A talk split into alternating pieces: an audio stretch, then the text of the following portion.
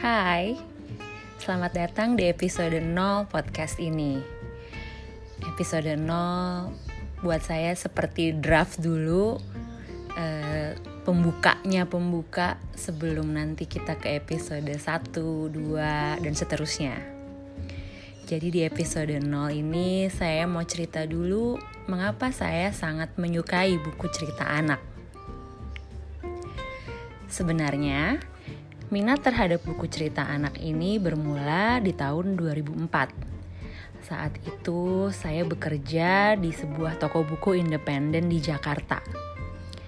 Karena pekerjaan jadi punya banyak waktu uh, yang yang cukup panjang ya untuk berinteraksi sama buku, uh, melihat lebih lama, lebih dalam lagi tentang buku-buku, ada apa aja jenisnya, judul-judulnya apa, buku-buku baru, buku bestseller, ya termasuk buku cerita anak.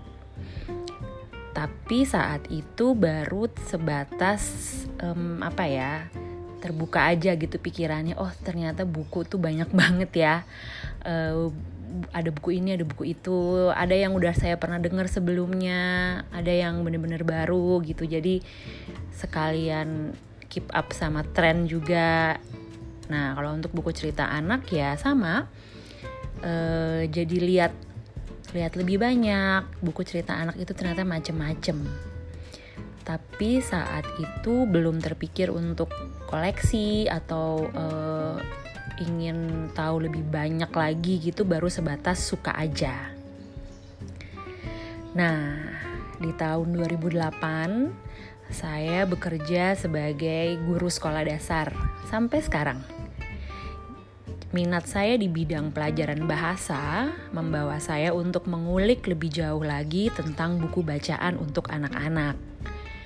Ya, selain karena pekerjaan juga saya harus cari tahu bacaan kayak apa yang cocok buat anak-anak terus berinteraksi sama mereka setiap hari ada perpustakaan juga di sekolah. Jadi semakin terbentuk lah tuh minat itu gitu semakin ingin mencari tahu lebih banyak. Bagi saya buku cerita anak itu universal. Semua orang bisa menikmatinya nggak hanya anak-anak. Orang dewasa apalagi pasti bisa. Buku cerita anak tidak selalu berisikan cerita-cerita yang ringan, yang anak-anak aja, yang kayaknya gitu-gitu aja. Tapi ternyata banyak sekali buku cerita anak yang maknanya dalam. Hal lain yang membuat saya jatuh cinta pada buku cerita anak adalah ilustrasinya. Aduh itu bagus-bagus semua, bagus-bagus banget. Tidak kalah dengan tulisan, gambar atau ilustrasi juga bisa jadi pembawa pesan yang menarik dan kuat. Oke, okay, sepertinya sekian dulu untuk episode 0 ini. Terima kasih sudah mendengarkan ya. Sampai ketemu lagi.